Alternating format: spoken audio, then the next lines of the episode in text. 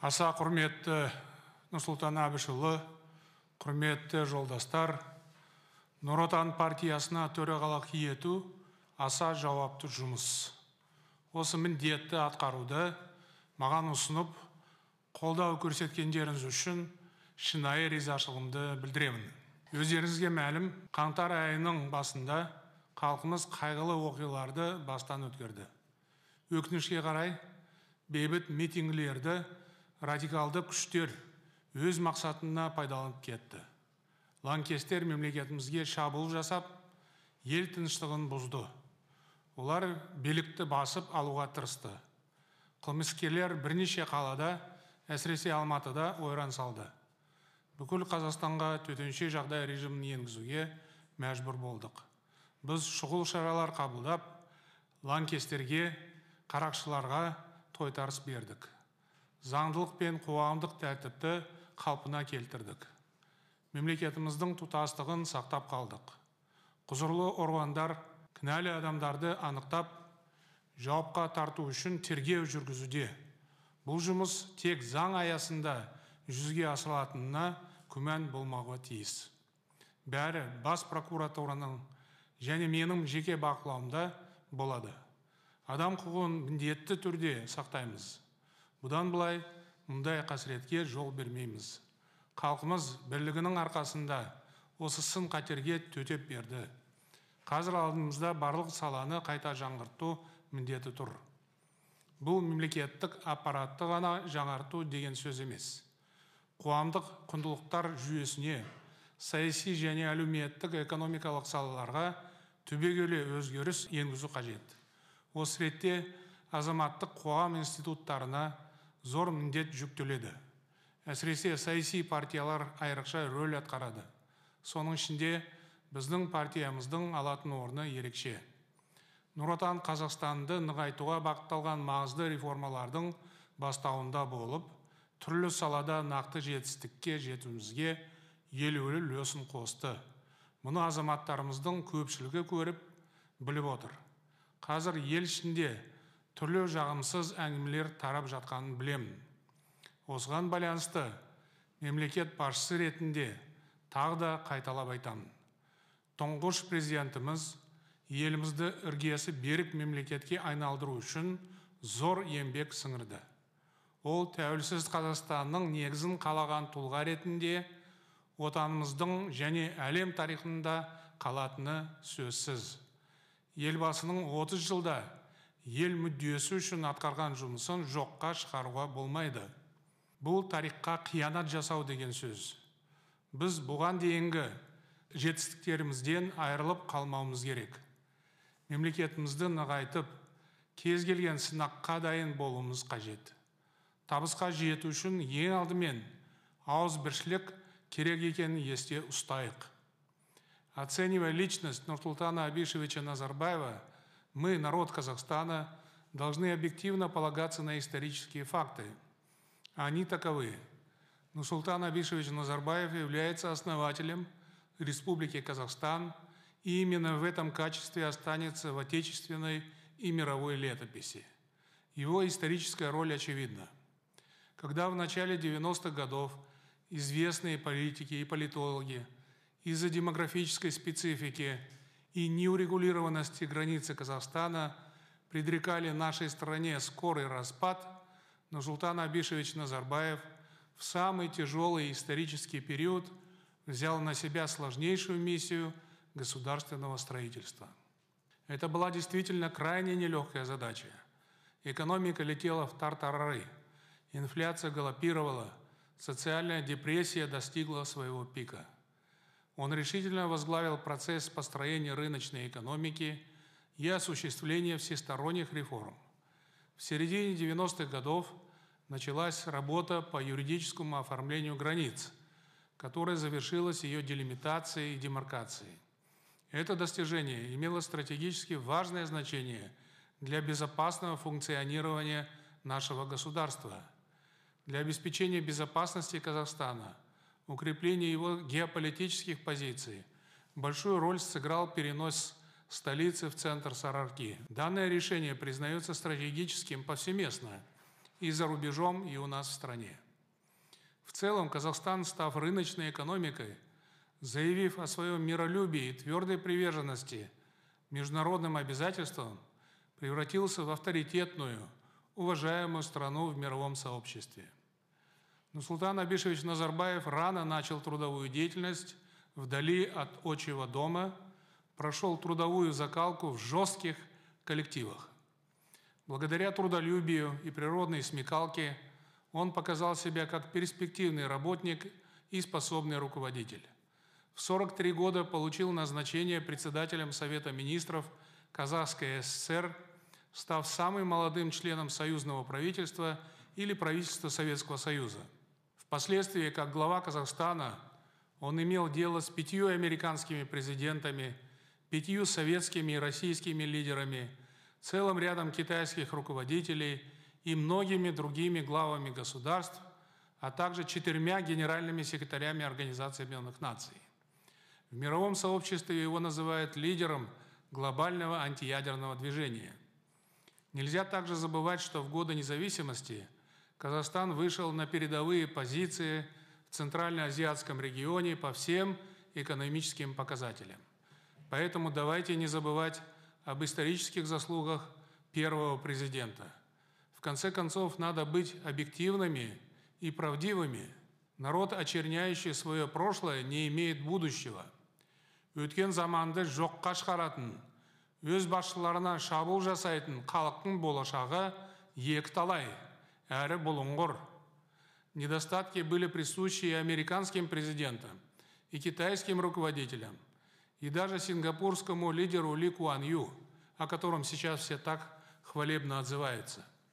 Я четыре года работал в Сингапуре, мне довелось видеть и встречаться с Ли Куан Ю, когда ему было около 50 лет. Поэтому все эти годы наблюдал за ним, прочитал все его книги и интервью. При жизни он был далек от образа демократического лидера – Якобы его высказывание о том, что надо посадить в тюрьму двух-трех близких друзей за коррупцию и с ней будет покончено, это не более чем миф. Он этого не говорил.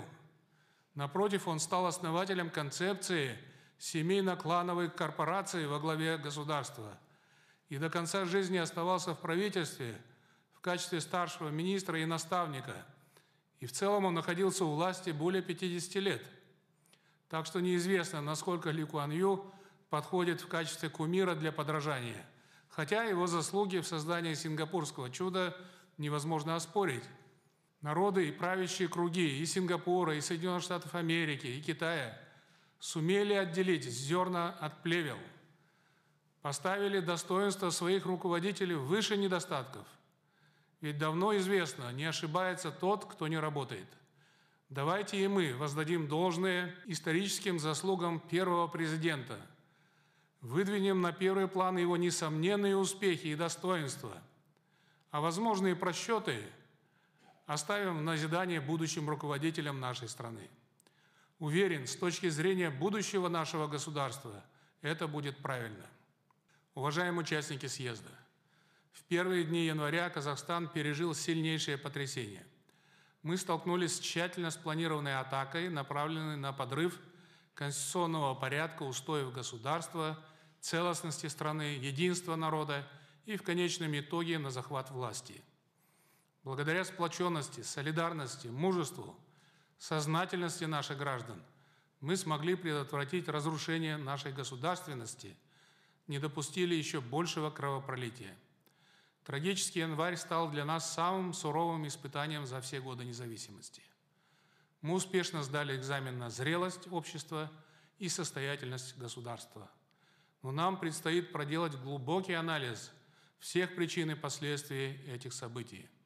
Мы должны извлечь из пережитой трагедии все уроки, понимая, что наша страна вступила в очень сложный этап своего развития – я с благодарностью принимаю предложение возглавить партию Нуротан.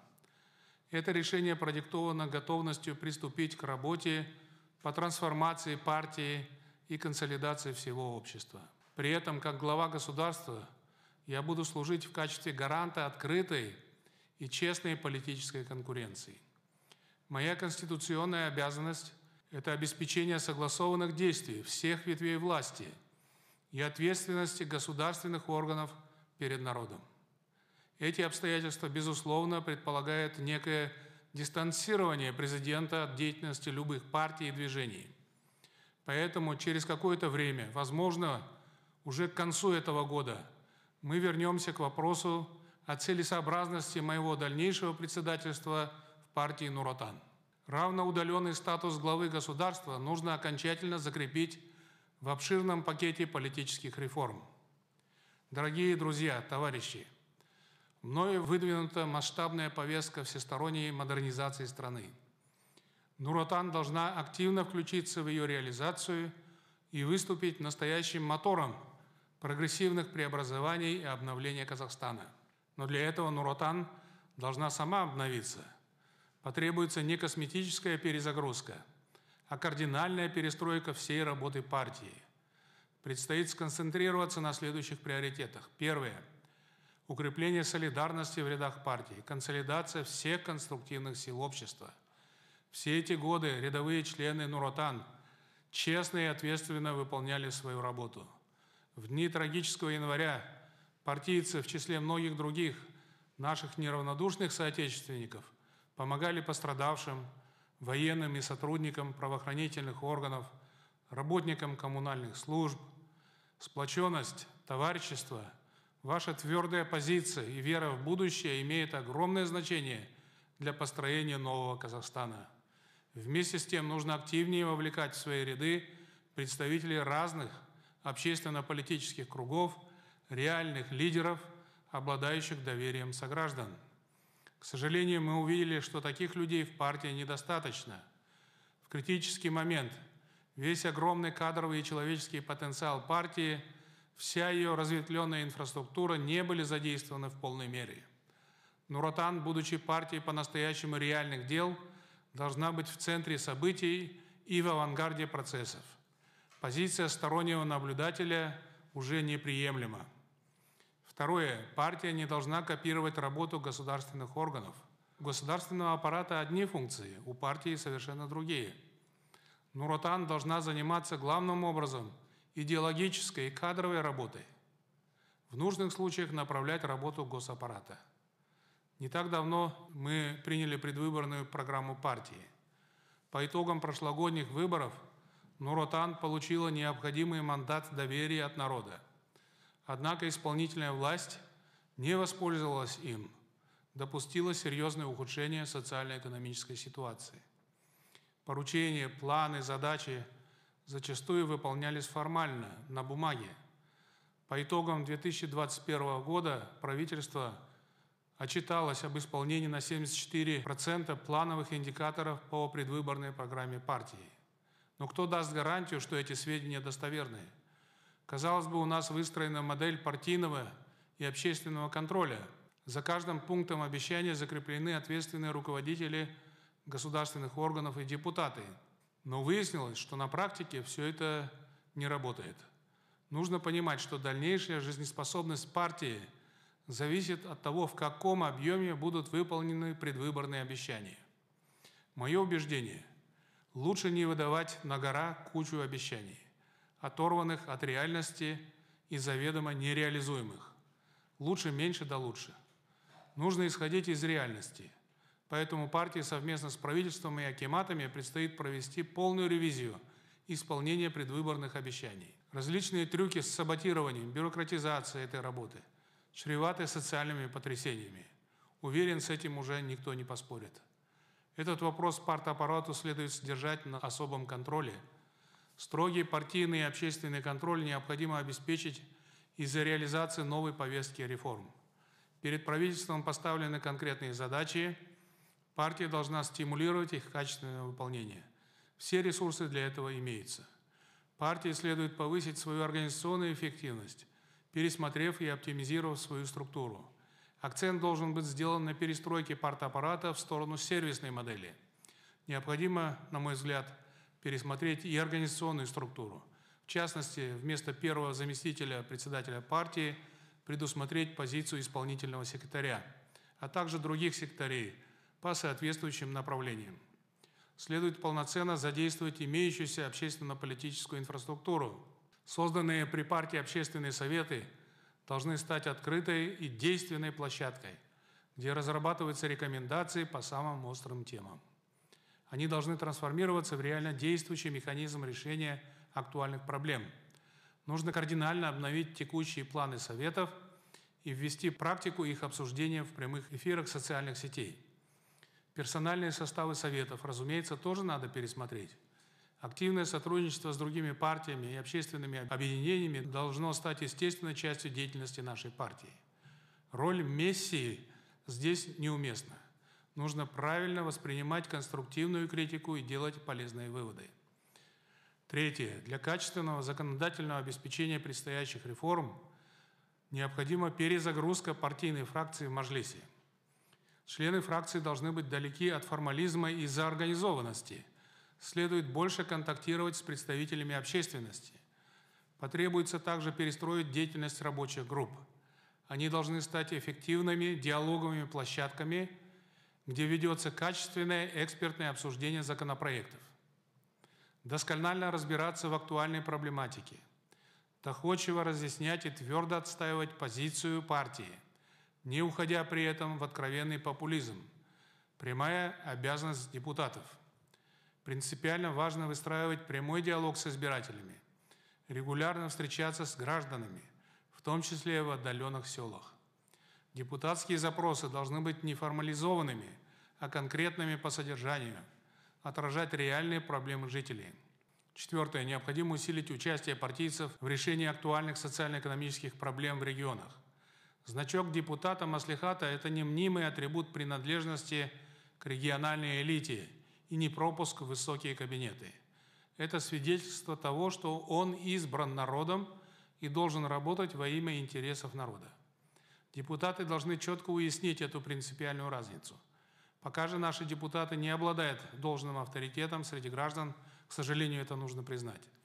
Это было явно заметно во время трагических январских событий. Мы видим, что большинство заседаний фракций проводится формально, без предварительного обсуждения повестки дня с гражданами. Работа в регионах зачастую никем, кроме Акимов, не освещается. Широкая общественность не видит, какую роль в этом играет партия, потому что депутаты, как правило, самоустраняются от этого вопроса. В текущих условиях важным является внедрение публичного рейтинга депутатов Нуратан в Маслихатах. Граждане должны видеть и понимать, что делают народные избранники для улучшения благосостояния народа и качества жизни в стране. Уверен, такое решение будет способствовать повышению эффективности работы депутатов. Пятое. Следует активизировать деятельность общественных приемных. Партия по всей стране имеет 238 общественных приемных, но их работа не очень видна.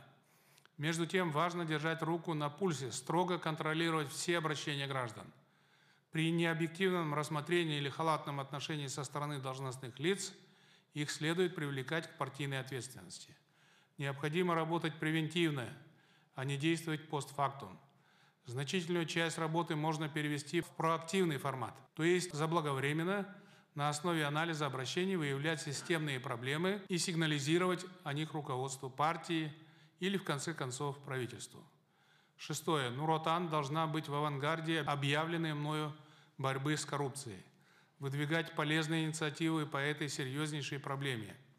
Ни для кого не секрет, что системная коррупция стала своего рода спусковым крючком январских потрясений – мы не сможем свести к минимуму и искоренить коррупцию одними только репрессивными мерами, хотя без них не обойтись, они действительно нужны. Без деятельного участия гражданского общества в противодействии коррупции все задуманные социально-экономические реформы не дадут должного эффекта. Поэтому важно сформировать в обществе абсолютное неприятие гражданами коррупционного поведения. А это невозможно без мобилизации гражданского общества – неотъемлемой частью которого является партия. Поэтому партии предстоит наполнить новым содержанием свою антикоррупционную стратегию. В целом партии следует без сожаления расстаться со всеми приспособленцами, флюгерами, карьеристами, которых достаточно в ее составе. Седьмое. Трагические события января показали серьезное упущение в социально-экономической адаптации молодежи. В этом повинны как местные исполнительные органы, так и в целом система госуправления. Проблемы молодежи нужно держать в фокусе особого государственного внимания. Жас Отан обладает большими возможностями для реальной работы. В молодежном крыле партии по всей стране состоят более 100 тысяч членов. Однако эти значительные ресурсы не находят должного применения. Все отдано на откуп вузам и колледжам, которые занимаются вопросами социально-экономической адаптации молодежи по остаточному принципу. Большинство мероприятий проводится формально с одним и тем же составом участников. Нам нужно заняться конкретной работой с необустроенной молодежью в городах. В ряды ЖАС-ОТАН следует привлекать пользующихся доверием среди молодежи лидеров, готовых заниматься полезной общественной деятельностью. Амбициозные карьеристы не должны быть лицом молодежного крыла партии. Государство реализует ряд важных проектов в сфере занятости, образования, обучения молодежи. Однако, как показывают результаты соцопросов, большинство молодежи просто-напросто ничего не знает о них. Такую ситуацию нужно решительно менять.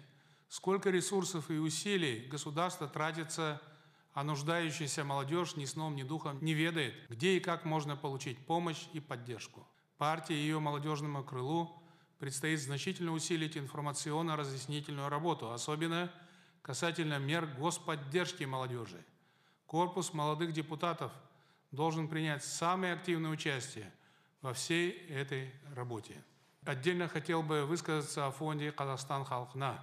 Выражаю признательность предпринимателям за денежные вклады в фонд – тем самым вы проявляете гражданскую ответственность в отношении тех граждан нашей страны, кто нуждается в благотворительной помощи. Вместе с тем, некоторые заметные в бизнесе персоны, которые являются частью олигополии и даже ее олицетворением, не спешат участвовать в благотворительной акции, инициированной главой государства. Это что? Жадность, нигилизм, разгильдяйство или пренебрежение? Во всяком случае, у государства имеется весь набор полномочий – чтобы получить полный ответ на этот вопрос. Со своей стороны планирую выпустить специальный указ, регламентирующий процесс благотворительности со стороны крупного бизнеса. құрметті жолдастар саясатта ел мүддесіне берік болу айрықша маңызды мен президент қызметінде және партия жұмысында дәл осы қағиданы ұстанамын. Біз егемендіктің төртінші онжылдығына қадам бастық. Алдымызда жаңа міндеттер тұр. Бірлігіміз бекем болса оның бәрін орындаймыз. Ең бастысы қоғамға тыныштық пен тұрақтылық керек. Нұр отан еліміздің негізгі саяси күші. Сондықтан қазақстанның болашағы үшін ең алдымен біздің партиямыз жауапты. Әрқайсымыз осы жауапкершілікті терең сезініп жұмыс істеуіміз қажет. Шын мәнінде нұр отан мемлекетшілдер партиясы болу керек. Ұйым мүшелері мемлекет мүддесін бәрінен биік қоюға тиіс. Партияның барлық бастамалары елімізді өркендетуге халқымыздың әл ауқатын арттыруға арналғанын ұмытпайық. Еліміз аман жұртымыз тыныш болсын. Рахмет баршаңызға.